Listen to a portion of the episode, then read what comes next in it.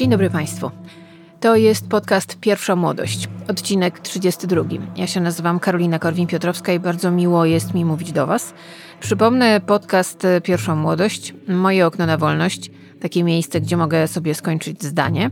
Otóż e, ten podcast powstaje dzięki patronom z Patronite'a. Patroni od progu 25 co tydzień o godzinie 18 w piątek mają w swoich skrzynkach e, newsletter ze wszystkimi rzeczami, o których mówiłam w podcaście, ale jest też cała masa ekstrasów i między innymi w ogóle patroni w tym tygodniu dostaną pewien prezent, ale o nim mm, za chwilę. Co będzie dzisiaj? Dzisiaj będzie, powiedziałabym, trochę się zrobiło komentarzy z tego, ale nic nie poradzę. Bowiem w przestrzeni publicznej i też do mnie dotarły różne takie historie, które mówią o tym, że rzeczywiście Oczywiście mogę być tutaj ironiczna i złośliwa, że ludzkość chyli się ku upadkowi i niech to wszystko lepiej pręd prędko szczeźnie, tylko mi się wydaje, że zanim to szczeźnie, spłonie czy zaleje, go to, zaleje to wszystko woda, to będziemy się bardzo długo męczyli. Porozmawiamy sobie dzisiaj o tym, e, czym jest manipulacja, czym jest wstręt do nauki, czym jest opieranie swojej tak zwanej wiedzy na emocjach, a nie na faktach, opieranie na opiniach, a nie na faktach. Co się dzieje w ogóle wokół nas? Jakoś dotarło do mnie kilka rzeczy ostatnio, zresztą to jest taka refleksja, która się we mnie buduje od kilku lat, no, które pogłębiają moje przerażenie dotyczące tego, w jakim świecie funkcjonujemy, jak wyglądają w tym wszystkim media, jak wyglądają, wyglądamy w tym wszystkim my. I co tak naprawdę dzieje się nie tylko z nauką, ale w ogóle z naszym podejściem do świata. No właśnie. To może najpierw posłuchajmy fragmentu. Właśnie ten cytat u nas w domu leżał wydrukowany. Ty widzisz korek, ja widzę obfitość samochodów. I podeszła do mnie moja młodsza córka przedwczoraj, trzyma to w ręku i tak, mamo, kojarzysz jak ty zawsze mówisz, że ja mam bałagan w pokoju? A co? No wiesz, tak sobie pomyślałam, że ty widzisz bałagan, ja widzę obfitość rzeczy. To wszystko, o czym będę dzisiaj mówić, zaczęło się tak naprawdę na szeroką skalę w pandemii. Pandemia, czyli ten taki moment, 2020 rok, pamiętamy co się wtedy działo. Najpierw e, dzikie plotki w internecie, różne dziwne filmiki. Ja pamiętam jak mi przysyłali na Instagrama ludzie różne filmiki z Chin, kompletnie niezweryfikowane, e, które miały pokazywać to, co się tam rzekomo ma dziać. W związku z pandemią koronawirusa, ale w ogóle do czego tam ma dochodzić na ulicach i w ogóle. Ja pamiętam jak ja to oglądałam Świadoma już tego, że żyjemy w czasach fake newsów, deepfake'ów i przeróżnego rodzaju fałszerstw, próbowałam to jakkolwiek zweryfikować, ale potem się okazywało, że filmik, który spłynął na moją skrzynkę poprzedniego dnia, na zajutrz już jest nieaktywny, już go nie ma. Więc albo ktoś go skasował, albo sam go skasował, albo został skasowany na przykład przez YouTube'a. I tego było strasznie dużo. Ja pamiętam, nie chciałam tego w ogóle publikować, bo pomyślałam sobie, nie, nie, to jest jakieś dziwne, to nie znam chińskiego, więc nie wiem, co ci ludzie tak naprawdę do siebie mówią, ale pamiętam, jak wtedy na kontach moich znajomych na Facebooku, one sobie żyły w najlepsze. Ludzie to udostępniali na maksa. Narastała taka atmosfera, pamiętacie to zresztą, grozy, niepewności, nie wiadomo było, co się stanie. Ja też nie ukrywam, trochę się bałam, ale miałam wtedy na głowie zupełnie inne problemy. Między innymi zaczęłam swoją terapię. Więc skupiłam się na tym, żeby ta terapia i to wszystko, co się dzieje wokół mnie, jakoś mnie nie dobiło, żeby właśnie mnie wzmocniło. I pomyślałam sobie, Boże, no to jest widocznie kolejna góra, którą muszę przejść. Spokojnie, dam radę. No i myślę, że dałam radę, ale rzeczywiście wtedy zaczęło się pojawiać, i to głównie w sieci, głównie w mediach społecznościowych, zaczął się pojawiać zalew przeróżnych fake newsów dotyczących przeróżnych rzeczy. Nie tylko tego, skąd się wziął ten wirus, bo tak naprawdę do dziś nie wiadomo, nie tylko do tego, jak to się powinno leczyć, temu zabezpieczać, bo to jest tak pi razy oko, mniej więcej już teraz wiadomo, jak do tego można było wtedy podejść, ale nie było tej wiedzy. No i do tego, jak do tego się przyczynili politycy.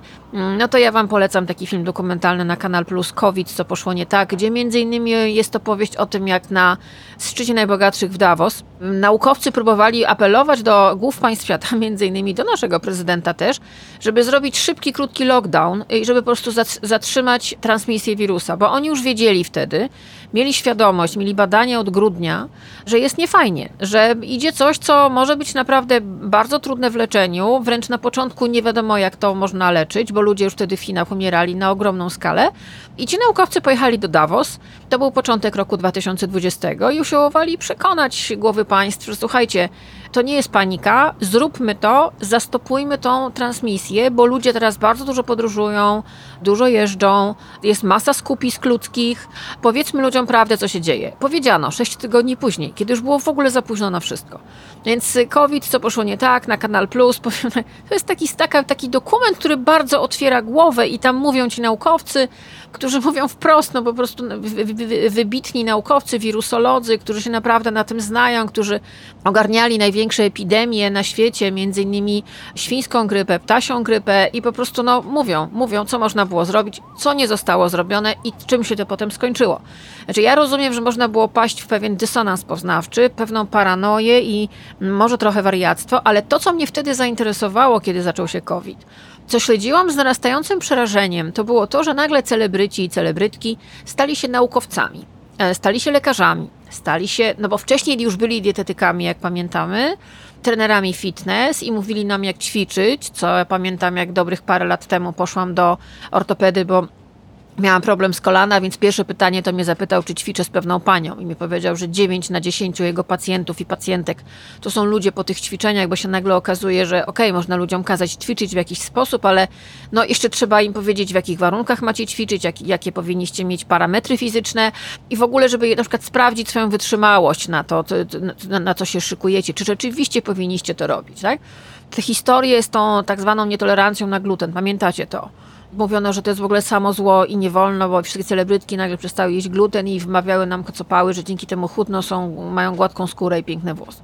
Co jest oczywiście brednią, bo to powinien zbadać lekarz, powinno się zrobić testy. Ja takie testy zrobiłam, więc wiem, co mówię, ponieważ było podejrzenie, że ja mogę mieć nietolerancję na gluten. Okazało się, że nie, że jest ok i że nawet powinna mieć gluten ale jest jakiś tam procent, który nie może. Ale wtedy pamiętacie, co było? Wszystkie celebrytki, po prostu co druga w wywiadzie po prostu. Nie, nie, nie jem, nie, okropne, straszne. Mało tego jeszcze siedziały na swoich mediach społecznościowych i opowiadały, dawały jakieś przepisy, oczywiście zażnięte z internetu, no bo samemu po co wymyślać, lepiej komuś sprzedać manianę, nieważne. Przyszła pandemia i nagle się okazało, że ci celebryci przejęli rolę takich duchowych coachów, przewodników medycznych, wszystkiego w ogóle. To się prawdopodobnie też, znaczy na pewno też zbiegło z tym, że no, nie było gdzie się zwrócić, jakby ludzie siedzieli sami w tych domach, a wtedy, jeżeli nie miało się zasobów, żeby zająć się sobą, innymi sprawami, trochę się odciąć od tego, co jest na zewnątrz, no to się, masa ludzi siedziała w sieci, czytała te różne rzeczy i szukali jakiegoś, jakiejś wspólnoty, jakiegoś wspólnego odczuwania, przede wszystkim jakiego, jakiegokolwiek tak zwanego źródła informacji, chociaż słowo informacja biorę tutaj to w cudzysłów. To leczenie przez internet było już wcześniej, ale wybuchło zdecydowanie w pandemii. Pamiętacie te rady, że trzeba palić Palo Santo na przykład, że to jest wirusobójcze. Znaczy ludzie, którzy nie odróżniają wirusa od bakterii, mówili o tym, czym, y, jak, jak zwalczać wirusy. Y, ludzie, którzy, no, nie wiem, co mieli z biologii, chemii, opowiadali o tym. Opowiadali oczywiście totalne brednie i kocopały, ale masa ludzi to łapała, bo trzeba przyznać, na przykład polskie media nie, nie dobiegały, światowe zresztą też. Na świecie było dokładnie to samo. Myśmy odcięli się trochę od nauki, o tym powiem wam na koniec. Dlaczego to się tak naprawdę stało, że ci naukowcy się pojawiali w mediach, a i tak naprawdę pojawiali się moim zdaniem za późno, chociaż dobrze, że w ogóle się pojawili i próbowali na spokojnie w miarę to wszystko tłumaczyć, bez histerii, przynajmniej większość z nich. Ale generalnie wokół tego zaczął się robić biznes. Ten biznes rósł już wcześniej. Ja jestem od kilkunastu lat migrenowcem i pamiętam jednej mojej koleżance, znanej piosenkarce, no mówiłam o tym, że mam migreny, coś tam, coś tam. Wiecie, co dostałam jako leczenie? Telefon do szeptuchy. Do szeptuchy. Ja z migreną, która mnie powalała i odbierała mi władza nad ciałem, dostałam telefon od szeptuchy. Nigdy nie zapomnę, jak inna znana celebrytka radziła mi na problemy skórne, bo ja mam bardzo suchą skórę, że trzeba sobie robić lewatywy z kawy. Ona sobie robi, nawet mi pokazała ten sprzęt. Wow. Pomyślałam sobie, nie no, dobrze, super. No i oczywiście to picie wody z cytryną na rano, bo to podobno odchudza, co jest brednią. Znaczy sprzedaj, wyrasta sprzedaż cytryn, to jest jedyne, a poza tym można pić czystą wodę. Pojawiały się coraz częściej jakieś właśnie kongresy, jakieś takie, zaczęto mi prezentować jakieś amulety. Pamiętam, dostałam amulet, który miał mnie chronić przed e, grypą. Potem jak się pojawił COVID, to były też amulety, które miały cię chronić przed COVID-em. No te słynne energie kryształów. Pamiętacie te celebrytki, które sprzedawały kryształy z AliExpress? No też jedna czaszki sprzeda sprzedawała ale te konkretne kryształy miały chronić przed wirusami. Wystarczyło, że sobie powiesisz na szyi, kryształ tam za parę stówek i wtedy jesteś, możesz chodzić do tłumu i w ogóle ni, żaden wirus cię nie, nie złapie, w ogóle nic się złego nie stanie. Tak? Pamiętamy, jakieś były rytuały przeróżne, to o tym za chwilę. Pościel odchudzająca, pościel, która zabija wirusy. No nie wiem, mnie się wystarczy, ja, mi się wydaje, że wystarczy pościel uprać, może ja jestem jakiejś starej szkoły, że jak masz pralkę, to włączasz program, tak, i tam proszek, to, i ona czysta wychodzi z tej pralki. Raczej nie, nie, będzie tam żadnych syfów. Jakieś plastry się pojawiły na aurę, to też widziałam. Plastry na migrenę, Boże, ile koleżanek z telewizji mi to proponowało. Plastry na migrenę, Karolina, tylko plastry. No nie wiem, na co sobie miałam to przyklejać. Na dupę, na nogę, nie wiem, ale plaster na migrenę. Mojej ciotce pomóc ciotce, siostry, brata, ojca, męża, żony. Tak. No i rytuały szamańskie, ponad wszystko lewatywa. W ogóle lewatywa to tak jak pamiętam celebrę, świat celebrytów to od lat 90. Nigdy nie zapomnę, jak pewna znana piosenkarka na antenie Radia Ogólnopolskiego nawet naśladowała dźwięki lewatywy, które wykonywała ze swoim ówczesnym mężem. Naprawdę. I ja pamiętam wtedy siedziałam i mówiłam, Boże, co to jest w ogóle? Ale się okazało, że cała masa celebrytów, którzy naćpani e, w Warszawce no trochę już potracili rezon, jechała sobie tam gdzieś tam Bali, wiadomo, te Azja, biedni ci Azjaci, naprawdę. No i tam sobie robili te lewatywy, te różne wlewy, te różne kroplówki, no i oczywiście dzięki, nie przyznawali się do tego, oficjalnie odstawiłem cukier, jem marchę, wchodzę na spacery, kocham moją żonę, spełniam się w pasji, tenis, golf, tararira. Nieoficjalnie wydaję kupę hajsu na jakieś szamańskie historie. Ja jestem patriotą kosmicznym. Nie wiem, czy wiecie, po pandemii COVID, no, która oficjalnie zakończyła się 1 lipca tego roku, no i chwała Bogu, mam nadzieję, że jakiś syf nie pojawi się w najbliższym czasie, aczkolwiek y, naukowcy mówią, że może być z tym różnie, ponieważ katastrofa klimatyczna, w którą też niektórzy nie wierzą, idzie w takim tempie, że najczarniejsze przewidywania zaczynają się spełniać na naszych oczach i nie wiadomo, jak będzie reagowała Ziemia i przyroda na to, co jej robimy, ale słuchajcie, nie wiedziałam nawet, ale sprawdziłam na potrzeby podcastu, że w Polsce około, około setki lekarzy stanęło lub ma stanąć przed sądami lekarskimi za głoszenie medycznych niedorzeczności, które były szkodliwe dla pacjentów. Kilkanaście osób straciło czasowo prawo do wykonywania zawodu, w tym pewien znany zakaźnik z Małopolski, który wmawiał pacjentom, że maseczki nic nie dają, a szczepionki to jeden wielki eksperyment, a przed sądem lekarskim nie był jednak w stanie podać jakichkolwiek dowodów naukowych na potwierdzenie swoich tez. Rzekomymi dowodami żongluje się teraz w internecie, a zwykli pacjenci nie są w stanie odróżnić prawdy od fałszu fałszu, bo nie są, bo nie są naukowcami, bo nawet jeżeli wejdziesz w Wikipedię, a każdy ją ma, może sobie wpisać w Google i wyskakuje Wikipedia, to nie jest naukowcem. Znaczy to, że masz dostęp do internetu, to, że opłacasz abonament, mam nadzieję, że opłacasz, to, że wchodzisz sobie w Wikipedię, czy na, oglądasz jakieś tam różne filmiki, czytasz artykuły, to, hmm, sorry, nie czyni z ciebie naukowca nie jesteś osobą, która, moim zdaniem, ma prawo wypowiadać się na temat zdrowia i życia innych ludzi. Nie masz do tego narzędzi. To, że coś przeczytałeś, to nie znaczy, że już to wiesz że, i że, że to rozumiesz. I że masz prawo oczerniać ludzi, którzy mają tę wiedzę, dokonali jakichś odkryć, badają różne rzeczy, wiedzą jak czytać badania naukowe, wiedzą jak robić badania naukowe, wiedzą jak je porównywać i wiedzą jak weryfikować to, co im wychodzi na tym stole badawczym, mówiąc ogólnie. Natomiast rzeczywiście w covid to się rozlało. Teraz oczywiście nie ma już COVID-u, przynajmniej oficjalnie i bardzo fajnie i cieszmy się. Natomiast dalej mamy historię o tym, jak ludzie są cały czas w niewoli swojej niewiedzy, w niewoli swojej ignorancji i to się rozlewa. Znaczy, ludzie są coraz głupsi. To już Wam mówiłam wcześniej. To jest gdzieś też naturalny proces, że ludzkość głupieje. Nie lubimy czytać książek, nie lubimy się dowiadywać, aczkolwiek tutaj pod koniec tego podcastu powiem Wam, że to nie do końca jest prawda, że to jakby ta prawda cały czas jest pośrodku. Ja też nie chcę decydować. Ja wiem, że się lubię dowiadywać. Ja wiem, że jak zaczął się COVID, to kupiłam wszystkie książki o wirusach, które mogłam albo wypożyczyłam i o Chinach, żeby ogarnąć jakby sytuację, jak tam wygląda, o co chodzi z tymi targami w Chinach, o co chodzi z tymi różnymi mm, epidemiami, które wyszły właśnie stamtąd, dlaczego to się właśnie dzieje tam, jak to się ma do katastrofy klimatycznej, bo gdzieś cały czas w głowie mi dzwoniło, co zresztą potem było potwierdzane, że cała masa różnych chorób, epidemii bierze się niestety z tego, że my niszczymy ziemię, niszczymy klimat, Zachowujemy się jak banda kretynów, jak małpa z brzytwą. Przepraszam, trzeba nazywać rzecz po imieniu. Więc ja się lubię dowiedzieć. Ja jestem z tych, co jak się coś dzieje, jak ostatnio mój pies zachorował na nowotwór, to ja siedziałam do czwartej nad ranem w internecie i nie tylko. Zamawiałam książki w tej sprawie, czytałam, jak wygląda sprawa z nowotworami u zwierząt, jak to się leczy, czym to się leczy, jakie badania trzeba zrobić, co można zrobić, żeby jak najdłużej zwierzę żyło. Chciałam ogarnąć rzeczywistość. Ja jestem z tych racjonalnych. Wiem, że jestem w jakiejś tam części społeczeństwa. Inni pójdą się, nie wiem, modlić, inni pójdą się, nie wiem, biczować, jeszcze są tacy, co pójdą na detoks, przestaną jeść gluten, będą się modlili do drzew, nie głupie w sumie, w dzisiejszych czasach, kiedy każde drzewo jest na wagę złota, każdy ma swój sposób na opanowanie stresu, tak, i opanowanie sytuacji kryzysowej. Ja staram się być racjonalna. To niektórych wkurza, dobrze, ale ja taka jestem. Rozumiem, że ludzie w momentach kryzysu mogą zachowywać się nieracjonalnie. To jest też nasze prawo do tego. No dobrze, ale słuchajcie.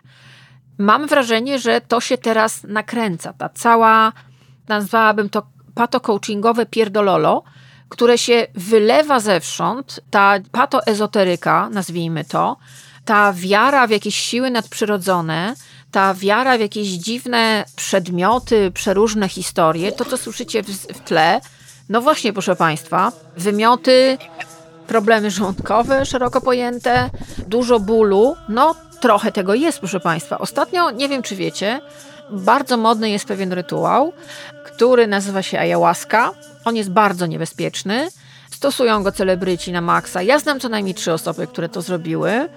Dwie zrobiły z ciekawości, bo wszyscy inni i jedna po prostu żygała dwa dni, ale jakoś przeżyła, drugą tylko głowa trochę bolała. O tym się mówi, to jest modne. Ale mówi się o tym w bardzo ciekawym kontekście, dlatego ja dzisiaj postanowiłam to ruszyć, bo mam już trochę dosyć opowiadanie pierdololo w mediach. Chodzi o to, że ayahuasca, czyli rzeczywiście trudny rytuał, do którego potrzebny jest ktoś, kto naprawdę się na tym zna i to jest ogromne jednak ryzyko dla zdrowia. Nikt cię nie bada przed tym, nie bada ci krwi, nie bada ci tętna, nie, nie robi skanu twojego organizmu, czy w ogóle możesz to zrobić.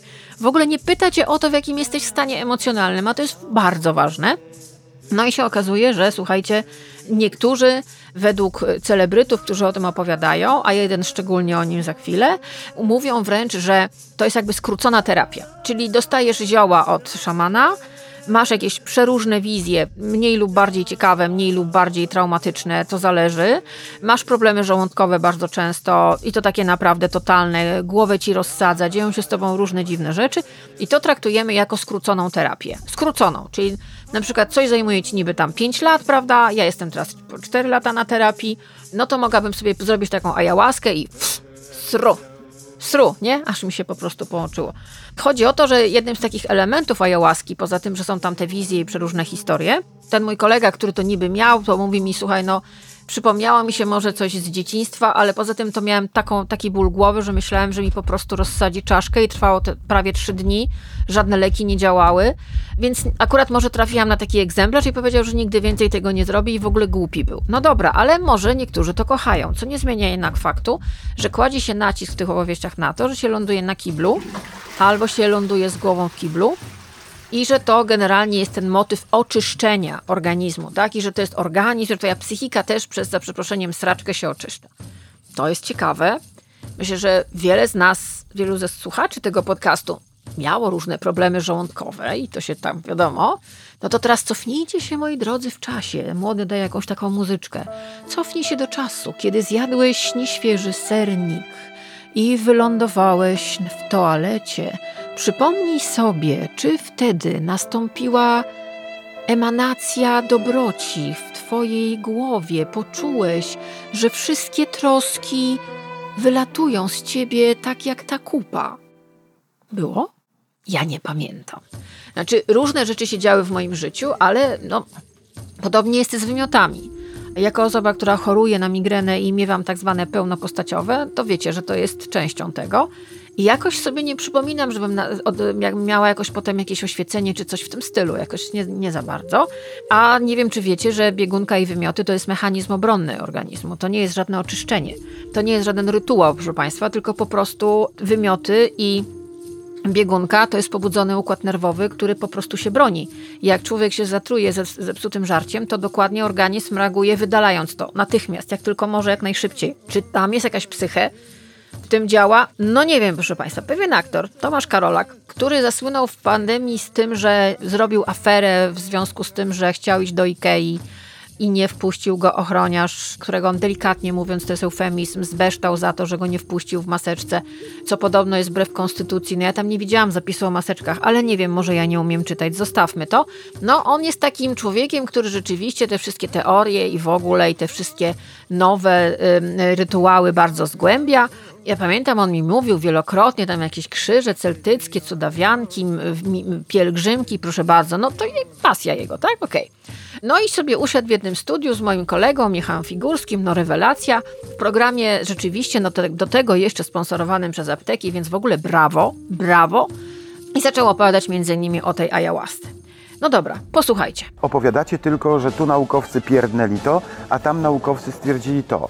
W ogóle to, co człowiek ma w sobie, jaką ma w sobie moc samoleczenia, o tym kompletnie zapominać. I to jest to, co tutaj słyszeliście przed chwilą. To jest dla mnie coś, co w ogóle, jak ja to usłyszałam, bo w ogóle podesłał mi to mój dobry kumpel, który jest lekarzem i mówi, że widziałaś? Widziałaś? Widziałaś? I takie znaki zapytania i różne emotki. Ja mówię, no nie wiem, no Boże Święty, jakiś siedzi Karolak i coś opowiada. Co mnie to obchodzi?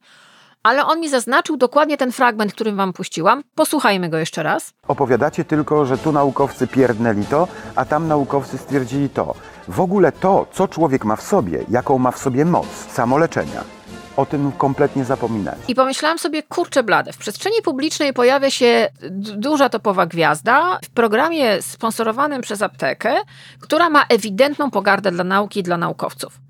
Sorry, ale nie. Znaczy, ja w tym momencie muszę postawić tutaj duży wykrzyknik, bo uważam, że trzeba się troszkę zastanowić, żeby wygłaszać takie sądy, bo to nie są jacyś tam naukowcy, byle jacy, to są ludzie, którzy często naprawdę mają y, za sobą ileś lat nauki, ileś lat studiów, ileś lat doświadczeń, znacznie większych niż aktor występujący w filmach, czy nawet dziennikarz przeprowadzający wywiad.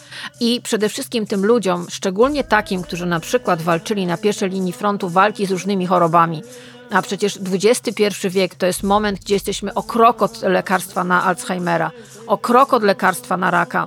Naprawdę medycyna czyni ogromne postępy wynalezienie tych różnych szczepionek, leków, no naprawdę tego jest coraz więcej. Ja jako migrenowiec, który bierze tryptany, bardzo dziękuję naukowcom, którzy te tryptany wymyślili, a to jest bardzo świeża sprawa.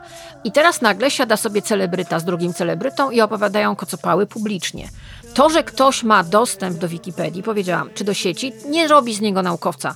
To, że ktoś ma dostęp do Wikipedii, do różnych książek, nie robi z niego osoby, która z pogardą może mówić o ludziach, którzy prawdopodobnie, niejednokrotnie, o czym on pewnie nawet nie wie, uratowali mu dubsko, nie mówiąc o życiu.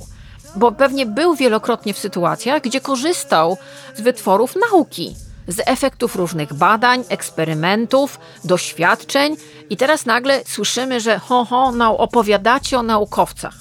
Tam są w ogóle lepsze kwiatki w tym wywiadzie, jeżeli już mówimy o tym, co nas zalewa. No mamy 2023 rok.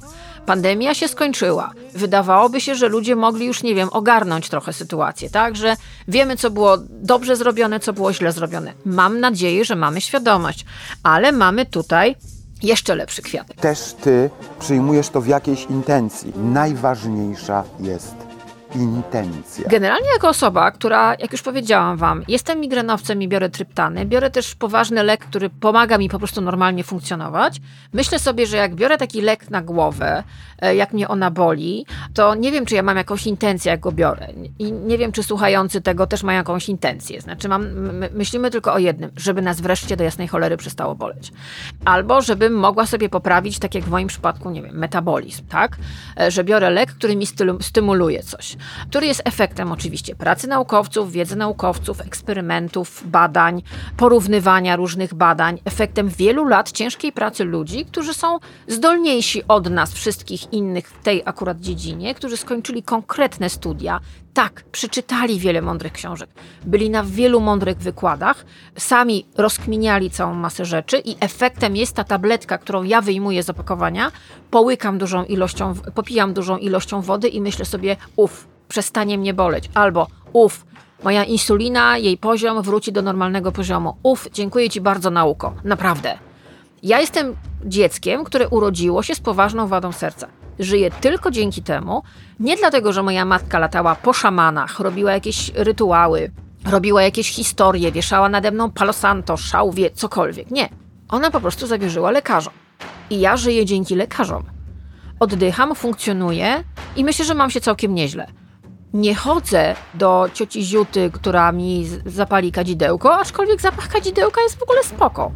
Ale jeżeli wyrzucamy za okno wiedzę lekarską, to myślę sobie, kurczę blade, kto nas do tego upoważnił. Znaczy, podejrzewam, że wielokrotnie osoby, które to robią, bo to nie jest tylko Karolak, tam jest cała masa ludzi. Jak wejdziecie na Instagram i zobaczycie, co pieprzą celebryci, jakie to jest pseudonaukowe patopierdololo dotyczące diet, fitnessu, leczenia, samoleczenia, ten wątek samoleczenia, to jest też w ogóle coś niesamowitego, co się pojawiło całkiem niedawno.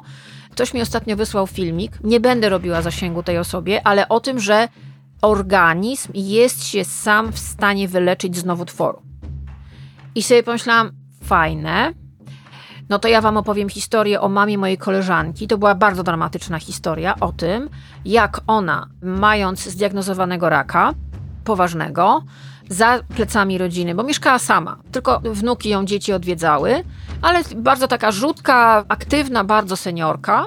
No ale jakaś tam jedna, druga koleżanka gdzieś tam poszła, później rodzina próbowała dojść, gdzie ona się w ogóle tego dowiedziała, gdzie dostała ten, tego potwornego newsa o tym, że uwaga, leki należy odstawić, bo to jest zmowa koncernów farmaceutycznych. Drugie, tak naprawdę jej organizm z tego nowotworu, który był z przerzutami, ale ona wyleczy się sama. Punkt trzeci, jeśli będzie jadła buraki. I ta kobieta, wykształcona, światła i bardzo z otwartą głową, ta głowa była tak otwarta, że po sześciu miesiącach wylądowała w stanie paliatywnym w szpitalu i zmarła po dwóch tygodniach, bo się okazało, że za plecami swojej rodziny nie brała tych leków. Udawała, że jest wszystko świetnie. I na początku może przez chwilę zadziałało jakieś placebo i myślała sobie, że jest super, ale potem, będę tutaj brutalna, nie było co zbierać. I ja się teraz zastanawiam, jak to się ma do opowieści o tym, że raka organizm jest sam w stanie się wyleczyć, że to samo leczenie następuje, ta regeneracja, tak, to odbudowanie. To są różne teorie, nie będę wam mówiła, bo naprawdę mózg mi kołowacieje od tego. Mam jedno pytanie, znaczy możemy sobie mówić, możemy ignorować wiedzę naukowców, tak, chociaż ja uważam, że to jest hamuwa. Możemy mówić, że nasza intencja jest ważna, tak? Że ja jem na przykład, nie wiem, marchewkę i jem z nią z intencją uleczenia mojego żołądka. Nie wiem, spróbuję, może mi to wyjdzie. No nie wiem, teraz się kawy napiję, zaraz moment zrobimy. Kawkę mam, piję i mam intencję, żeby dograć do końca ten podcast. Zobaczymy. Kawka dobra, czarna, jak lubię, bez cukru. Hmm, no zobaczymy, czy mi się intencja, nie wiem, może też trzeba wizualizować albo co. Ale wiecie, my się śmiejemy. Ja znam co najmniej jeden przypadek osoby, która zmarła. Moja mama, ja po jej śmierci wyniosłam z domu i z jej szafki w hospicjum dwa największe worki śmieci, pełne suplementów, maści, kadzideł, przeróżnych rzeczy, które miały jej pomóc w zlikwidowaniu bólu, który ją zabijał. Nie wiem, ile na to było wydanych pieniędzy. Wolałam nie patrzeć na stan mojego konta, bo to ja za to wszystko głównie płaciłam. Ona to sobie zamawiała przez telefon, miała swój telefon i to do jej przysyłali. Ale wiecie, to jest coś, z czego my się oczywiście możemy śmiać. Możemy sobie z tego zrobić stand-up. Ale jeżeli w przestrzeni publicznej pozwalamy na to, żeby funkcjonowały osoby, których pseudonaukowego pierdololo nikt nie weryfikuje, nikt nie mówi stop, daj dowody, pokaż kwity, pokaż liczby, bo nie padają te pytania, zauważcie, bo w ogóle gdzie, jeżeli padają, to gdzieś na salach sądowych i tamte osoby, które opowiadają różne historie, nie są w stanie podać żadnych faktów. Bo ja mówię o faktach, ja nie mówię o opinii pod tytułem a, bo ja słyszałem w internecie, albo widziałem serial Netflixa. Zresztą, no, jeżeli do, dopuszczamy do takich rzeczy, to naprawdę jest bardzo źle. Ja Was zachęcam do obejrzenia materiału y, youtubera, który prowadzi kanał Commentary. Dostaniecie do niego link, o, moi patroni. No, ono się nazywa Dominik Boss. I on po prostu rozjechał ten odcinek z Karolakiem. Zrobił to w sposób mistrzowski, bo to nie tylko on tam bierze głos, zabiera głos. On sobie wziął ludzi, którzy się naprawdę znają na nauce, wiedzą, mm, jak to się wszystko je, nie udaje mądrzejszego niż jest. Zrobił to, to zmasakrował ten odcinek. Znaczy, nie wiem, rozumiem, że mój kolega Michał lubi takie rozmowy i nawet się lubi z Karolakiem. Super. Tylko brakuje mi w tym wszystkim tego, żeby jasno powiedzieć, to są poglądy tej osoby i one są, hmm, nazwijmy rzecz po imieniu i nie, nie się, one są szkodliwe, one mogą być szkodliwe. One temu panu pomogły i on może, nie wiem, doznał oświecenia na kiblu, ale większość z was powinna zrobić badania, zastanowić się, zadać wiele pytań, zadać sobie pytanie, czy ja na pewno tego chcę, czy to mi coś pomoże, poza tym, że ciocia Ziuta to zrobiła i aktor z telewizji. Czy ja na pewno tego potrzebuję? Ciekawym sposobem na manifestację jest manifestowanie pieniędzy bez pracy. To jest bardzo oblegany temat u mnie na kursach. Wiele osób pyta mi się, Leila, jak zamanifestować pieniądze bez pracy. Najlepszą afirmacją na to jest Ludzie płacą mi za to, że jestem. No właśnie, proszę Państwa, usłyszeliście fragment jednej pani wypowiedzi z pewnego kongresu, który się odbył, na którym między innymi właśnie takie różne były historie o zarabianiu pieniędzy, o manifestowaniu, o wizualizacjach, o różnych mantrach, o różnych tego typu historiach. No i muszę przyznać, ja zamarłam. Zaczęliście mi to masowo podsyłać na mój Instagram. Ja nie śledzę tych kont. Kiedyś w swoich znajomych na Facebooku miałam dwie dzisiaj oświecone tak zwane trenerki, coache, tam wyrzuciłam ze znajomych po tym, jak zaczęły mi grozić w pandemii, że umrę i że jestem, zdra, zdra, jak to było, zdrajczynią narodu polskiego, czy coś w tym stylu. Mm, więc nie mam, od, odcinam od siebie te historie, odcinam tych różnych nawiedzonych ludzi, zakładając, że po prostu chcę być z daleka od nich, znaczy, że mnie to nie za bardzo interesuje. Ale w jednym momencie dostałam od Was całą masę linków dotyczących tego kongresu i też obejrzałam ten wstrząsający materiał TVN-u natomiast na temat firmy, która naciągała starszych ludzi na ogromne pieniądze przez telefon, na kupowanie przeróżnych pseudonaukowych, jakichś plastrów na odchudzanie, jakichś uroków, jakichś czakr, jakichś mantr. Ludzie, którzy naprawdę mają krew na rękach, bo te starsze osoby, do których oni dzwonili, co zresztą pokazali w TVN-ie, mówiły: Ja nie mam pieniędzy, ja nie mam na jedzenie. A potem niestety na końcu tej rozmowy było: Nie, to może ja pożyczę, niech pan zadzwoni w środę. Koszmarna, potworna manipulacja, okradanie tych ludzi starszych, no i jakiś właśnie kongres, który jest trochę inny, bo tu już mamy ludzi to nie są seniorzy, którzy żyją z emerytury. Oj nie, oj nie. Co drugi prelegent spędza weekendy, wakacje, Bali, Malediwy, cudawianki, palma, piaseczek, drinki z palemką. Wsadzę sobie piórko w dupę, a mój stan konta po prostu eksploduje w kosmos. Matko Święta. Nie wiem, może mam sobie wsadzić. Ale oczywiście się z tego śmieję, bo jakby mamy zalew i zalew tych historii, o których wam mówię od początku tego podcastu, dotyczy oczywiście z tych starszych ludzi, którzy są najbardziej na to wszystko podatni, bo często są samotni, nie mają z kim pogadać, nie mają też kogo zapytać. Ktoś do nich dzwoni, chce pogadać, sprawdza ich sytuację, z rozmowy dowiaduje się, bo ci ludzie są szkoleni, jaka jest sytuacja, czy ktoś w tej, czy umarł mąż, czy żona, czy dziecko, czy była jakaś tragedia i wie, na czym może żerować, na czym może budować tę koszmarną tkankę otumanienia tych ludzi, którzy mogą nie mieć na jedzenie, ale będą mieli na pościel, która przywoła im, nie wiem, ducha zmarłego męża, którego bardzo kochali. To jest żerowanie na najniższych ludzkich instynktach. To jest potworne. Ja bym to przyrównała prawie do morderstwa. Przysyłacie mi masę tych różnych e, linków i mówią, niech pani to skomentuje. Nie chcę mi się za bardzo tego komentować, poza tym, co zrobiłam teraz, bo uważam, że no, to jest patopierdololo, to jest patopsychologia. Wy macie w swoich głowach, mam nadzieję, tyle czerwonych lampek się może wam zapalić, że myślicie sobie, nie, to może jednak to nie jest moja droga i może niekoniecznie muszę sobie wieszać coś tam na nosie, w uszach, w szyi czy gdzieś tam. Poza tym są lekarstwa. Ja uważam, że są bardzo fajne lekarstwa, które pozwolą Wam odetchnąć, które pozwolą się Wam oderwać. I mam takiego dobrego mojego kolegę, który nazywa się Michał Zaczyński, jest wybitnym blogerem modowym, moim zdaniem jednym z dwóch, trzech najlepszych w Polsce.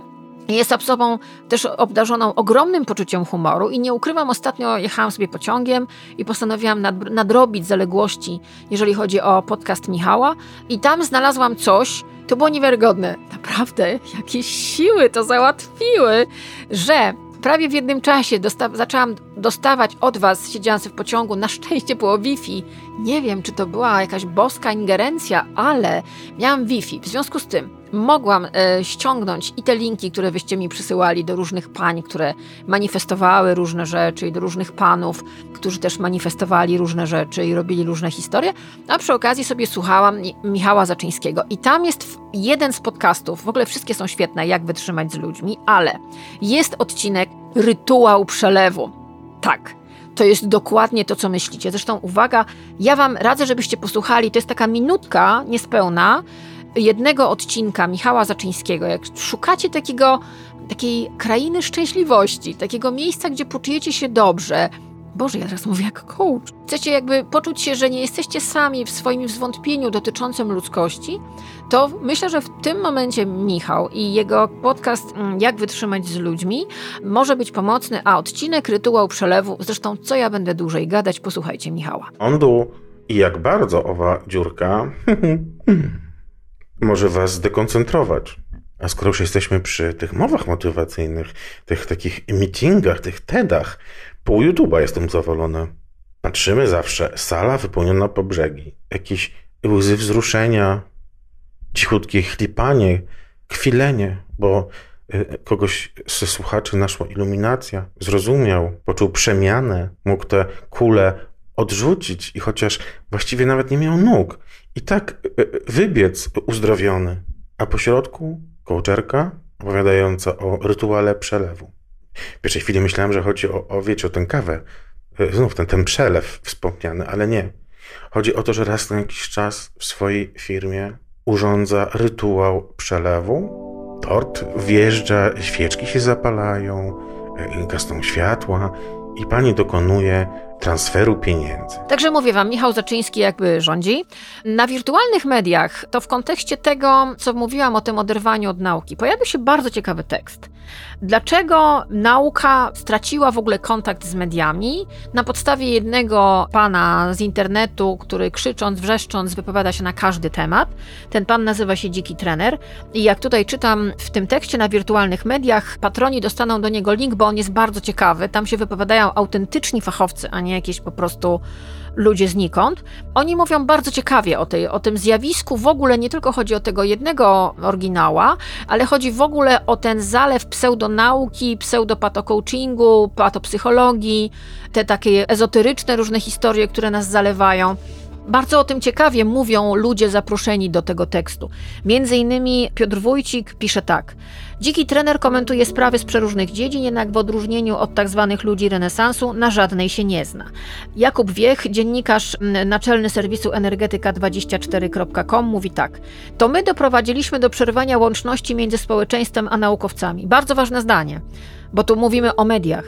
Zdaniem badaczy jest poznać rzeczywistość. Rzetelne i atrakcyjne kolportowanie ich ustaleń to już rola mediów. No właśnie.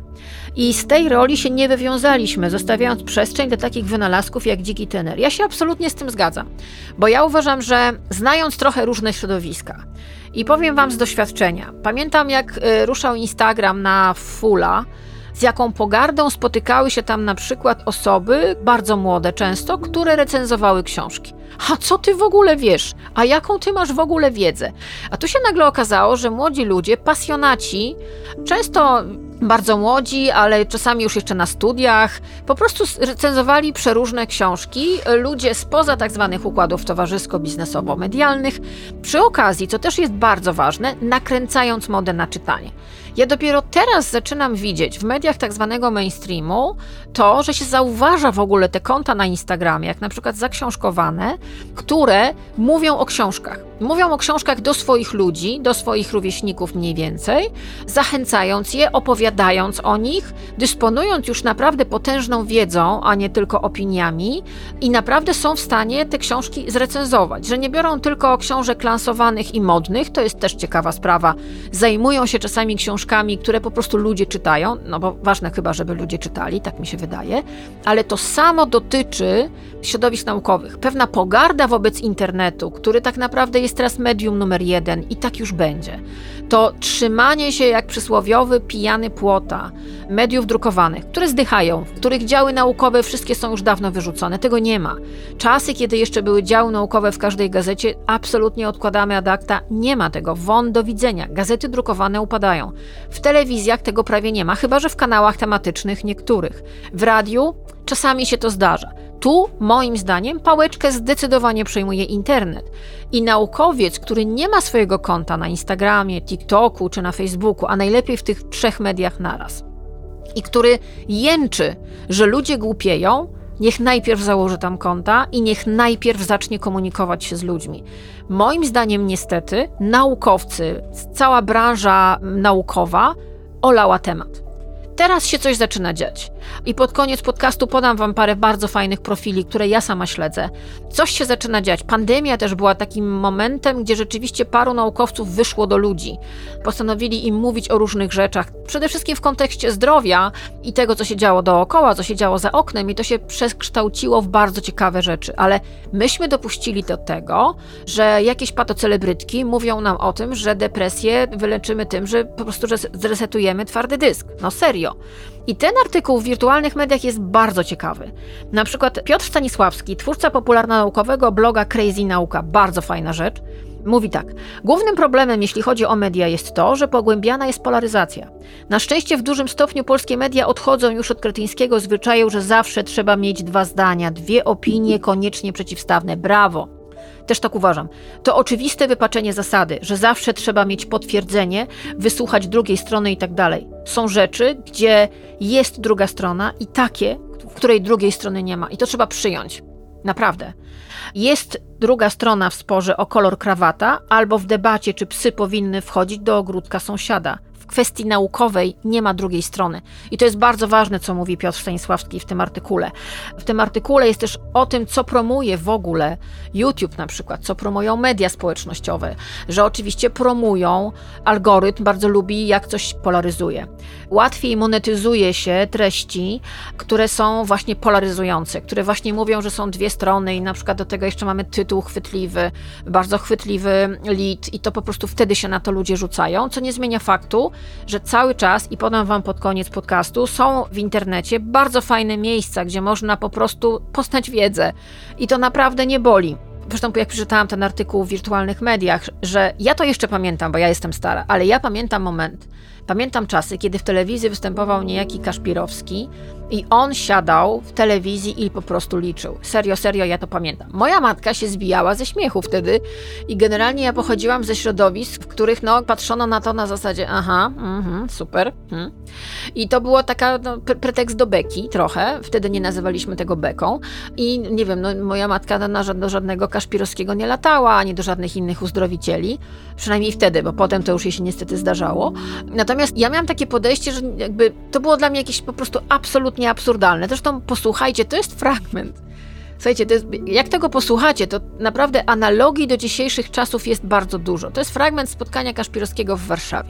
Tam się po prostu wszyscy załapali łącznie z Jezusem. Posłuchajcie. I do samej ostatniej sekundy naszego общения I do ostatniej sekundy naszego tutaj spotkania będzie идти охота będzie ochota, za waszymi болезнями. y, będzie polowanie za waszymi chorobami. И еще эта охота будет продолжаться, когда вы уйдете отсюда. I jeszcze to polowanie będzie trwało, kiedy wyjdziecie stąd. Так как вы будете под впечатлением происшедшего, Ponieważ bo będziecie pod wrażeniem tego, co miało miejsce. навсегда сохранив это в своей душе. I, ale zawsze zachowacie to w swojej duszy.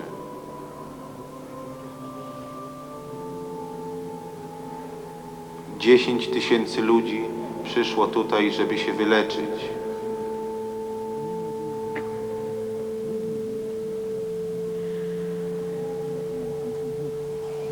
Spoczną te, jak te zatumanien. Obudzą się ci, którzy byli zatumanieni. Cóż Ci, Jezu, damy za Twych łask strumienie?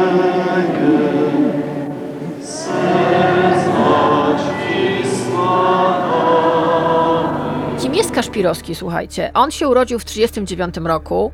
On jest y, psychiatrą i psychoterapeutą. Jest rzeczywiście doktorem nauk medycznych, ale zdobył sławę na polu medycyny zdecydowanie z eufemizm niekonwencjonalnej. No ja pamiętam te jego hipnotyczne seanse, gdzie y, liczył Adin 2, Tri. No słuchajcie, no, jeszcze była reklama, w której Tomasz Kot udawał y, Kaszpirowskiego. No to są jakieś, cała duża część Polaków pamięta to jeszcze. Ale co jest bardzo ciekawe, ja nawet nie wiedziałam, że on był psychoterapeutą radzieckiej kadry narodowej w, w podnoszeniu ciężarów, co dla mnie też, jak czytałam, to to myślę sobie, hmm, no to ciekawe. Ale słuchajcie, od 89 roku wszedł w te seansy hipnozy, no i to było szaleństwo. Ja to pamiętam. Ja, ja to naprawdę pamiętam i to jest w internecie. Możecie sobie wpisać Kaszpirowski Adin 23 w- na YouTube'a i wyskakują wam takie kwiatki. To bardzo wiele mówi. Tak naprawdę sytuacja w sumie jest taka sama, tylko wtedy był Kaszpirowski, dzisiaj mamy celebrytkę z Instagrama, albo jakąś coachkę, albo, albo jakiegoś celebrytę, który nam mówi mm, o tym, że ważna jest intencja. Dokładnie to samo mówił Kaszpirowski, a minęło kilkadziesiąt lat. Czyli tak naprawdę my cały czas mamy w sobie jakąś podatność na różne historie. I ten hipnotyzer, on występował na całym świecie, Kaszpirowski jeździł, ale ogromną popularność. Miał w Polsce, w Niemczech, Czechach, na Węgrzech, a także w Izraelu. Wyobraźcie sobie, że on w 1990 roku otrzymał statuetkę Wiktora. Serio, serio, serio. Anatoly Kaszpirowski. Anatoly Kaszpirowski. Wyślę Wam też oczywiście dla patronów link do materiału, który zrobił Igor Jankę o współczesnych Kaszpirowskich, gdzie on się rozjeżdża też tą całą sytuację, ale w taki spokojny, merytoryczny sposób. Czyli dostaniecie link do materiału Dominika Bossa, bardzo dobrego, i do materiału Igora Jankę. A ja się zbliżając powoli do końca, trochę zastanawiam nad tym, dlaczego na przykład psychologowie w kontekście tego kongresu, który się odbył i w kontekście tego naciągania starszych ludzi e, w bezczelny, chamski sposób i kongresu i tego sprzedawania tych różnych rzeczy, tych pierdololo, tych przeróżnych e, chustek, czapeczek, butów, wkładek, to już jest po prostu cały przemysł, słuchajcie. Część z tego jest z AliExpress, część z tego jest z Chin. Te słynne czaszki, które jakiś czas temu wyszły, prawda, które były sprzedawane jako lecznicze, a które tak naprawdę były z AliExpress. No błagam, sami mamy na to jakąś podatność. Sami jesteśmy naiwni albo mamy, nie wiem, też za dużo pieniędzy. Ja nigdy nie wpadałam w takie historie, bo może ja naprawdę nie jestem bogata. Cztery razy bym się zastanowiła. Ba, ja bym się dziesięć razy zastanowiła, żebym miała wydać kupę hajsu na jakieś po prostu syfy z Chin. Ale wiecie, zastanawiało mnie to, dlaczego psychologowie, bo oni jednak badają głowę, badają nasze emocje. Dlaczego psychiatrzy siedzą cicho? Dlaczego jest tak bardzo mało publicznych wystąpień psychologów czy psychiatrów, którzy mówią wprost stop temu. Znaczy, nie róbcie tego, to jest bardzo niedobre, zróbmy coś, zróbmy jakieś prawo, które mogłoby to w jakikolwiek sposób ukrócić albo nawet weryfikować. Ludziom się nie chce weryfikować, ludziom się nie chce sprawdzać. Mało tego, wielokrotnie Wam mówiłam w tym podcaście, że też nie mamy do tego narzędzi, bo nas tego nie uczą, bo nie jest w interesie nawet władzy e, mieć ludzi, mieć na, naród, mieć podwładnych, mieć ludzi wokół siebie, którzy by zadawali pytania i mieli narzędzia do weryfikacji pewnych rzeczy. My się musimy tego sami nauczyć. Ja Wam podrzucam regularnie książki. Ten odcinek podcastu też temu trochę służy, na zasadzie jak to weryfikować. Znaczy, jest parę miejsc w internecie, jest na przykład coś takiego, co nazywa się Polskie Stowarzyszenie Mediów Medycznych. Mają swój profil na Instagramie, polecam. I tam na przykład walczyli o weryfikację wiarygodności medycznej informacji w mediach. To jest bardzo ważne, bo można powiedzieć każde pierdololo na antenie i nikt tego nie zweryfikuje. Pamiętacie, jakiś czas temu był nawet celebryta, który podawał się za eksperta od słuchu i że jest lekarzem, i że ma badania, i że w ogóle, i chodził do patośniadajnówek i oczywiście był witany tam noszony na rękach, buzi, dupci, nie wiadomo co, a potem się okazało, że to jest jeden wielki humbug. Czy ktokolwiek coś zweryfikował? No przecież Krzysztof Stanowski, badając pewną celebrytkę, ujawniając kulisy jej kariery, powiedział wprost, co trzeba zrobić, żeby zostać gwiazdą w Polsce. Trzeba powiedzieć, że jest się tą gwiazdą. Dziękuję bardzo. Mniej więcej to samo dotyczy naukowców. Co trzeba zrobić, żeby być doktorem nauk w Polsce? Trzeba powiedzieć, że jest się doktorem nauk w Polsce. Nikt tego nie zweryfikuje. No chyba, że wejdziecie na profil Polskiego Towarzystwa Mediów Medycznych, no i tam są posty, które o tym mówią i oni starają się zrobić cokolwiek, no słuchajcie, między innymi stanęli w, w oktagonie z pewną słynną celebrytką, która zasłynęła z tego, że powiedziała, że leki przeciwdepresyjne nie były badane pod kątem długotrwałych skutków oddziaływania, że wpływają na emocje, na osobowość i działanie całego organizmu, że nie leczą choroby, nie naprawiają mózgu, tylko wywołują jego nienormalny stan. Jej głównym zarzutem, już wiecie chyba o kim mówię, było to, zarzutem, który powtarzała bardzo często, było to, że leki na depresję nie leczą, tylko zmniejszają objawy i mówiła, że leki zmieniają strukturę i funkcję mózgu, przez co pacjent czuje się zeuforyzowany, ale dalej cierpi i dalej doznaje objawów. No to ja powiem tak. Ja brałam leki na depresję. Nie wydaje mi się, żeby mi się zmieniła osobowość. Uważam, że bardzo mi pomogły i myślę, że jeżeli siedzę teraz i mówię do Was, to także dlatego, że brałam te leki, że poszłam do specjalisty, a nie do zielarki, czy do pani Zosi, czy do pani Ziuty, czy nie słuchałam patocelebrytki z internetu, bo po prostu zaufałam lekarzowi i już nie muszę brać tych leków. Ale brałam je przez jakiś czas i wiem, że mi pomogły i wiem, że mogłam wyjść do ludzi, normalnie mówić, mogłam pracować, ponieważ ze stresu odcinało mi wagonik z mową. Ze stresu odcinało mi wagonik ze słowami, co dla mnie było mocno brzemienne w skutkach, ponieważ ja zarabiam też gadaniem. Nie uważam, żeby mi się zmieniła osobowość, naprawdę. I uważam, że zostałam wyleczona, podleczona. Mam nadzieję, że to nie wróci, aczkolwiek wiem, jakie symptomy, jak kiedy się pojawią, będą mi mówiły o tym, że może znowu coś się zbliża, albowiem depresja nie jest chorobą w 100% uleczalną. Trzeba mieć kontakt z lekarzem. I tu nagle ci wychodzi celebrytka, tararira w ogóle, opowiada ci banieluki. Na szczęście Polskie Towarzystwo Mediów Medycznych stanęło z nią w oktagonie, ale tak jak mówiłam, był celebryta, który podawał się za eksperta od słuchu. To naprawdę wyglądało po prostu fatalnie. I tak jak mówię, to co zrobił Stanowski o pewnej celebrytce, ja polecam jeszcze jeden mój odcinek podcastu, w którym mówiłam o oszustach. Tam są też oszuści zdrowotni, którzy mówili ludziom o różnych terapiach, które nie działały. No, żyjemy w takich czasach, że jest nam trudno i że jest nam ciężko, no ale to nie znaczy, że mamy się poddawać byle cwaniakom, którzy żerują na nas, którzy zarabiają na nas, albo którzy po prostu czują się lepiej, kiedy nam coś sprzedają, jakieś pierdololo, albo w ogóle czują się ważni, czują się potrzebni. Powiem tak, ja znam kilka karier tych osób, które w Polsce uchodzą teraz za wizjonerów nie wiadomo kogo i opowiadają wam różne historie. Ja się bardzo cieszę, że te osoby wreszcie po byciu na piątym, dziesiątym planie, noszeniu na przykład rekwizytów za wielkimi gwiazdami, albo byciu cały czas w blokach startowych, kiedy no jakoś nie wychodziło, prawda? I oczywiście obwiniały za to cały świat, nigdy siebie. Że te osoby, które pochodzą często z trudnych domów, wreszcie mają kogoś, komu są potrzebne, że wreszcie są wysłuchane, że wreszcie czują się ważne, bo nigdy nie były, tak? Super, bardzo fajnie. Tylko, że mam nadzieję, że one mają tę świadomość, że mają w swoich rękach psychikę, życie, mózgi, serca i emocje ludzi. I chciałabym, żeby oni wiedzieli o tym, że jest jakaś granica, którą oni bardzo często przekraczają i która może się skończyć czymś tragicznym. Że mogą mieć krew na rękach, że ktoś przez nich umrze, bo na przykład odstawi leki na depresję, bo mu się wyda, bo mu celebrytka powiedziała, że one nie leczą, że zmieniają osobowość. Albo na przykład przestanie brać leki na raka, bo uwierzy w to, co mu mówi jakiś celebryta, że organizm się samo leczy. Więc odstawi te leki, na przykład będzie jadł buraki i umrze. I ja się zastanawiam, czy ktoś kiedyś te osoby pociągnie do odpowiedzialności za to, że ktoś przez nich zmarł, albo jego stan się pogorszył. Zastanawiam się, kim trzeba być, żeby mieć taki poziom samozadowolenia i taki poziom bezkarności.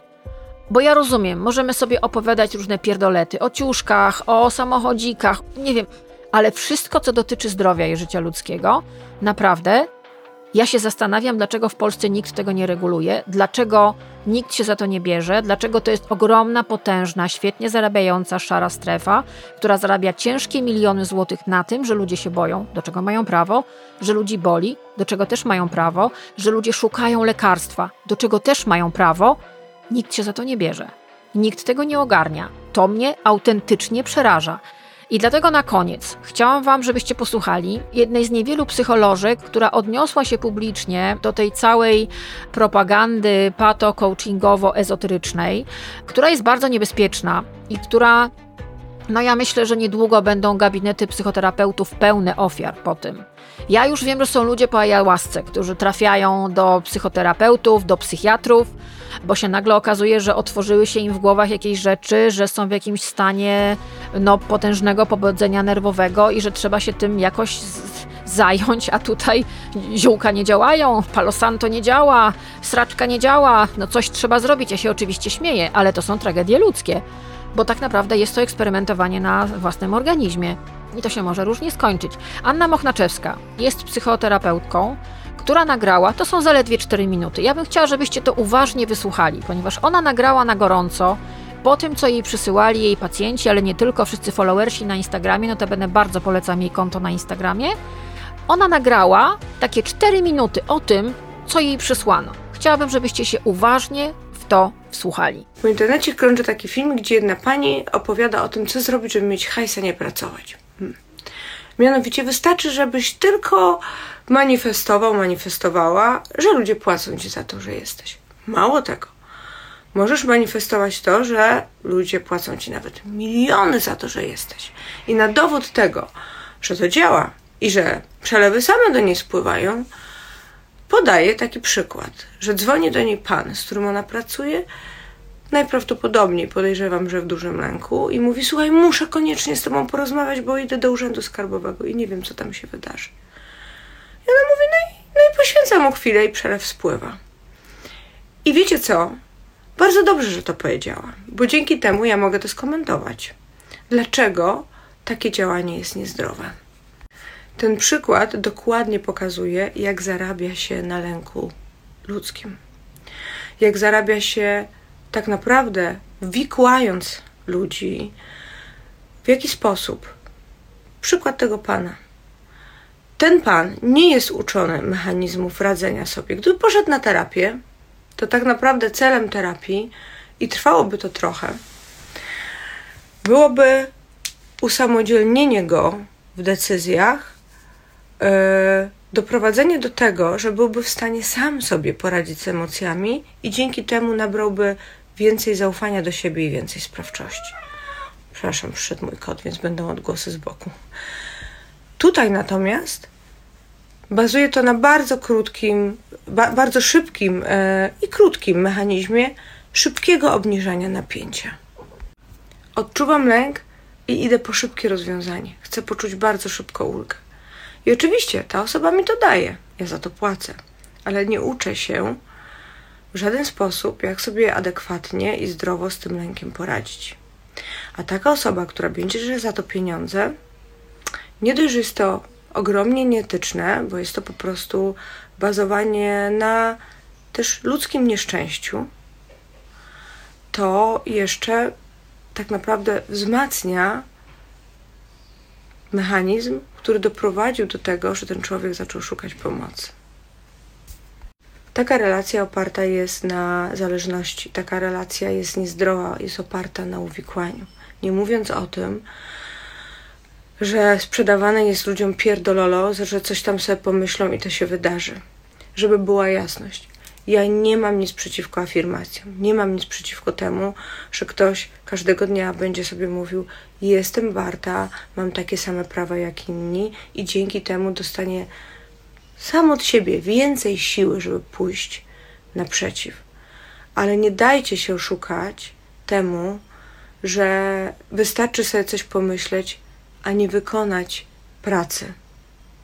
I być może ci wszyscy ludzie, którzy tam na tym kongresie będą gadać, w niektórych kawałkach, może i nawet będą wa dla Was brzmieli mądrze, ale oni se pogadają, wezmą za to kupę siana, zrobią sobie film na Bali czy gdzieś tam indziej, sprzedają później kurs za miliony monet, audiobook za 1300 bodajże złotych dla dzieci o manifestacji.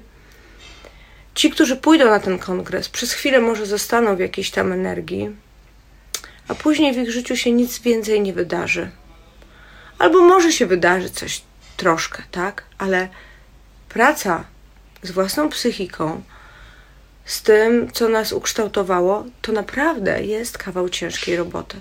Warto to robić ale to nie jest tak, że pójdę sobie, spłynie na mnie jakaś łaska, ktoś mi coś powie i samo się zadzieje. Więc bardzo, bardzo Was proszę, bądźcie ostrożni yy, i nie słuchajcie takich bzdur. Dobrego dnia. No i proszę Państwa, to była Anna Mochnaczewska. Zapraszam na jej konto e, na Instagramie. Bardzo Wam polecam też kanał Crazy Nauka na YouTubie, kanał Nauka to Lubię. Patroni dostaną list, e, listę tych kanałów z linkami. Naprawdę lajkujcie, followujcie. Jeżeli szukacie wiedzy, to ona tam jest. I ona jest od ludzi nie, którzy przeczytali hasło na Wikipedii i skopiowali je, tak jak wiele celebrytek, które miało się za osoby, które specjalizują się w dietach, a tak naprawdę kradły przepisy innym osobom mm, z ich blogów, albo na przykład y, po prostu przekopiowywały Wikipedię. Ja złapałam jedną na tym. Sprzedawała e-booka, e, niby dietetycznego, który polegał na tym, że ona przekopiowywała tam teksty z Wikipedii, oczywiście nie poddając żadnego źródła. Mało tego, były tam przepisy, które ja znałam z innej znanej książki o e, kuchni wegańskiej. Naprawdę. Znaczy, ja rozumiem, że czasami macie za dużo pieniędzy. Polska to bogaty, szczęśliwy, mlekiem i miodem płynący kraj, ale czasami można te pieniądze wydać lepiej, na przykład na kotki, na pieski, na biedne dzieci, na jakąś operację. Dobra, crazy nauka, Nauka to lubię. Dział zagraniczny, gdzie też pojawiają się newsy naukowe. Raport o stanie świata, gdzie pojawiają się bardzo dobre wywiady z naukowcami. Naukowy Bełkot, bardzo ciekawy kanał. Na Instagramie mamy ciekawy bardzo profil, badaczka w Kalifornii. Zapiszcie to sobie. Tam jest post który dokładnie na kafelkach opowiada Wam, jak zweryfikować naukowca. To jest bardzo ważne. W świecie, gdzie każdy może być gwiazdą i każdy może być doktorem, każdy może być lekarzem, profesorem, whatever, Ważne, żeby wiedzieć, jak to zweryfikować. I badaczka w Kalifornii to robi. Jest też na przykład Prawo do Zdrowia, bardzo ciekawy profil na Instagramie. No i na przykład właśnie Anna Mochnaczeska, która jest psychoterapeutką, psycholożką, która po prostu opowiada na pytania, które są tam jej zadawane, ale też robi posty tematyczne i to jest bardzo ważne to nie jest źle, że szukamy drogi. Ja też szukam, ja też się uczę, ja też się dokształcam, bo chcę wiedzieć, bo mam dużo zaległości i poza tym jestem człowiekiem, który lubi sobie to poogarniać w taki sposób, jak wam, jak wam mówiłam. Wybucha COVID, ja kupuję wszystkie książki o wirusach i pandemiach, pies mi choruje na raka, wchodzę do internetu, czytam wszystko, wszystkie blogi lekarzy weterynarii, mam wszystkie zalajkowane już profile onkologów weterynaryjnych, żeby po prostu wiedzieć, bo chcę sobie to ogarnąć. To jest mój kocyk bezpieczeństwa. Tak sobie radzę z potwornym stresem, który jest, z lękiem, który jest i mamy do niego prawo, ale nie udaję, że jestem naukowcem. Nie, nie udaję, że jestem naukowczynią. Nie udaję, że jestem profesorką. Nie, nie. I nie słucham celebrytów, bo ja bym wolała, żeby oni występowali na scenach, śpiewali piosenki, nie wiem, chodzili na rękach, na głowie, co kto lubi. Ale wolałabym, żeby bez, do, bez dyplomu wyższej uczelni nie opowiadali mi o tym, jak mam się odżywiać, jak mam ćwiczyć, jak mam się leczyć i do kogo mam chodzić, żeby się leczyć. Naprawdę. Och, się zagadałam. No i to wszystko, proszę Państwa. A nie, a właśnie, że nie, a właśnie, że nie, bo mam tutaj hitę dla Was. Uwaga, uwaga, jest nowy numer miesięcznika Znak. Bardzo fajny. Hasło wyobraź sobie, dzięki wyobraźni zyskujemy siłę do działania, potrafimy twórczo myśleć i żyć z fantazją, to ona pomoże nam w stworzeniu lepszego jutra. Bardzo ciekawy numer, między innymi o tym, że kosmici są nad Wisłą, Krótka historia cyrku i pytań, odpowiedź na pytanie, kiedy zwierzęta w cyrku mogą zniknąć e, z areny. Jest też o letnich festiwalach, o których nie mamy pojęcia. Jak zwykle świetny numer znaku. Bardzo, bardzo Wam to polecam, bo to jest taka gazeta, którą, której się nie wyrzuca, którą się odkłada na coffee table jak e, znajomi przychodzą, to się szpanuje, proszę bardzo, my tutaj czytamy znak. Warto to sobie ogarniać w ten sposób, że właśnie stos e, miesięczników z nas, znak leży na, e, na półkach. Na przykład jest bardzo fajny artykuł Szczypta fantazji w codzienności o tym, jak bardzo ważna jest fantazja, jak bardzo ważna jest wyobraźnia i czy ta wyobraźnia jest tylko dziecięca, bo jest coś takiego, jest takie określenie wyobraźnia dziecięca. Tu się okazuje, że wyobraźnia nie tylko jest dziecięca i że wyobrażenie, fantazja fantazja to jest coś bardzo fajnego. Zachęciłam? No to proszę bardzo. Mamy kod promocyjny. Mamy kod promocyjny dla patronów z Patronite'a. Szczegóły dostaniecie w swoich newsletterach. Wszyscy patroni dostaną tego newslettera za znakiem. Bardzo Wam polecam. Poprzednio się to bardzo dobrze udało. Teraz mam nadzieję, że też. Jak właśnie, jak się czegoś dowiadywać, to z mediów takich jak na przykład Znak, który jest merytoryczną gazetą, gdzie jest ktoś taki jak korektor, weryfikator, sekretarz redakcji. Wiecie, to jest tego już praktycznie nie ma w mediach.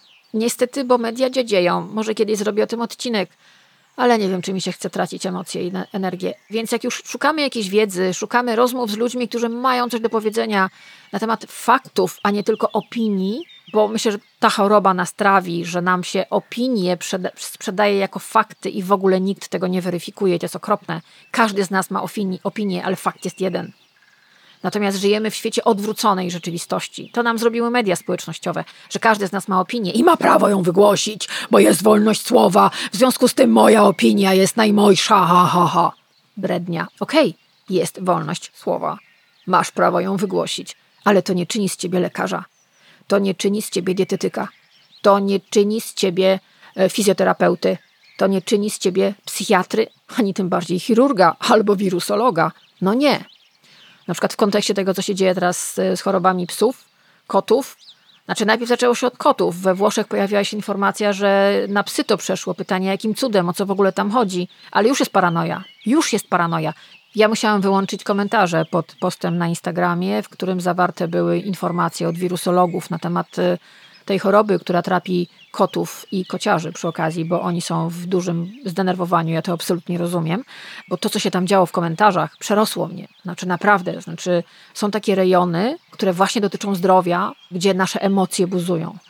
A więc proszę Państwa, patroni dostają kod promocyjny od miesięcznika Znak. Dostaniecie to wszystko w swoich skrzynkach. On jest e, wart e, bardzo krótko, między 14 a 21 lipca tylko, więc śpieszcie się, bo to jest kod promocyjny i on jest bardzo fajny, bo to jest, uwaga, uwaga, 70% na, promo, na prenumeratę cyfrową i to jest dużo. Przy dzisiejszych cenach, przy dzisiejszych wydatkach, to nie miło mi, że piszecie, że pieniądze wydane na Patronite to są najlepsze pieniądze wydane w miesiącu. Bardzo się cieszę, ale możecie być jeszcze mądrzejsi i poczytać sobie na przykład znak.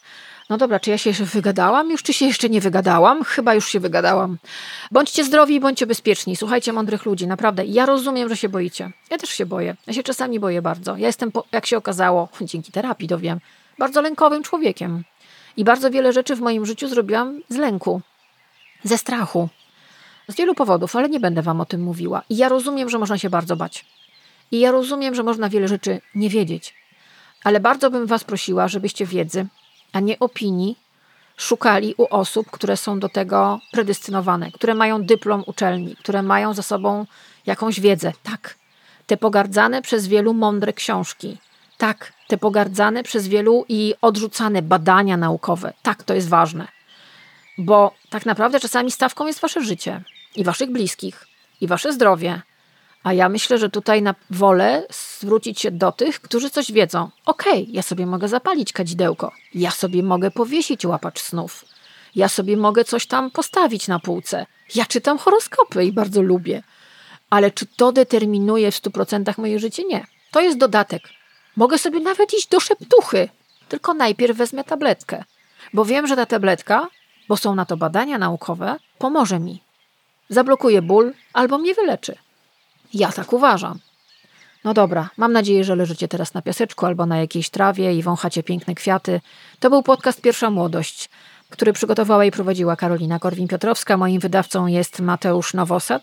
Słyszymy się za tydzień, jak zwykle w piątek o godzinie 18. Ten podcast powstaje dzięki patronom z Patronite, którzy od progu 25 co tydzień mają w swoich skrzynkach newslettery, a w tym tygodniu dostaną kod promocyjny w związku z miesięcznikiem Znak. I bardzo Was zachęcam do używania tego kodu, bo to fajna sprawa jest i to jest dobre medium. Ja bym nie wzięła złego medium tutaj, żeby Wam pokazywać, że jest ok. Nie da się mnie kupić. Ha, nawet się wam pochwalę. Ostatnio odrzuciłam kryptoreklamy papierosów. Tak, tak, jest lato, więc będą wam sprzedawali wspaniałą wizję świata. Tylko w momencie, kiedy zapalicie nasz produkt, wow, miła, Boże, to miasto jest takie piękne i pełne energii, a ja tutaj z papierosem. No widzicie, żyjemy w czasach po prostu totalnego pierdololo naokoło. Cieszę się, że nie muszę w tym uczestniczyć. To był podcast Pierwsza Młodość. Do usłyszenia za tydzień.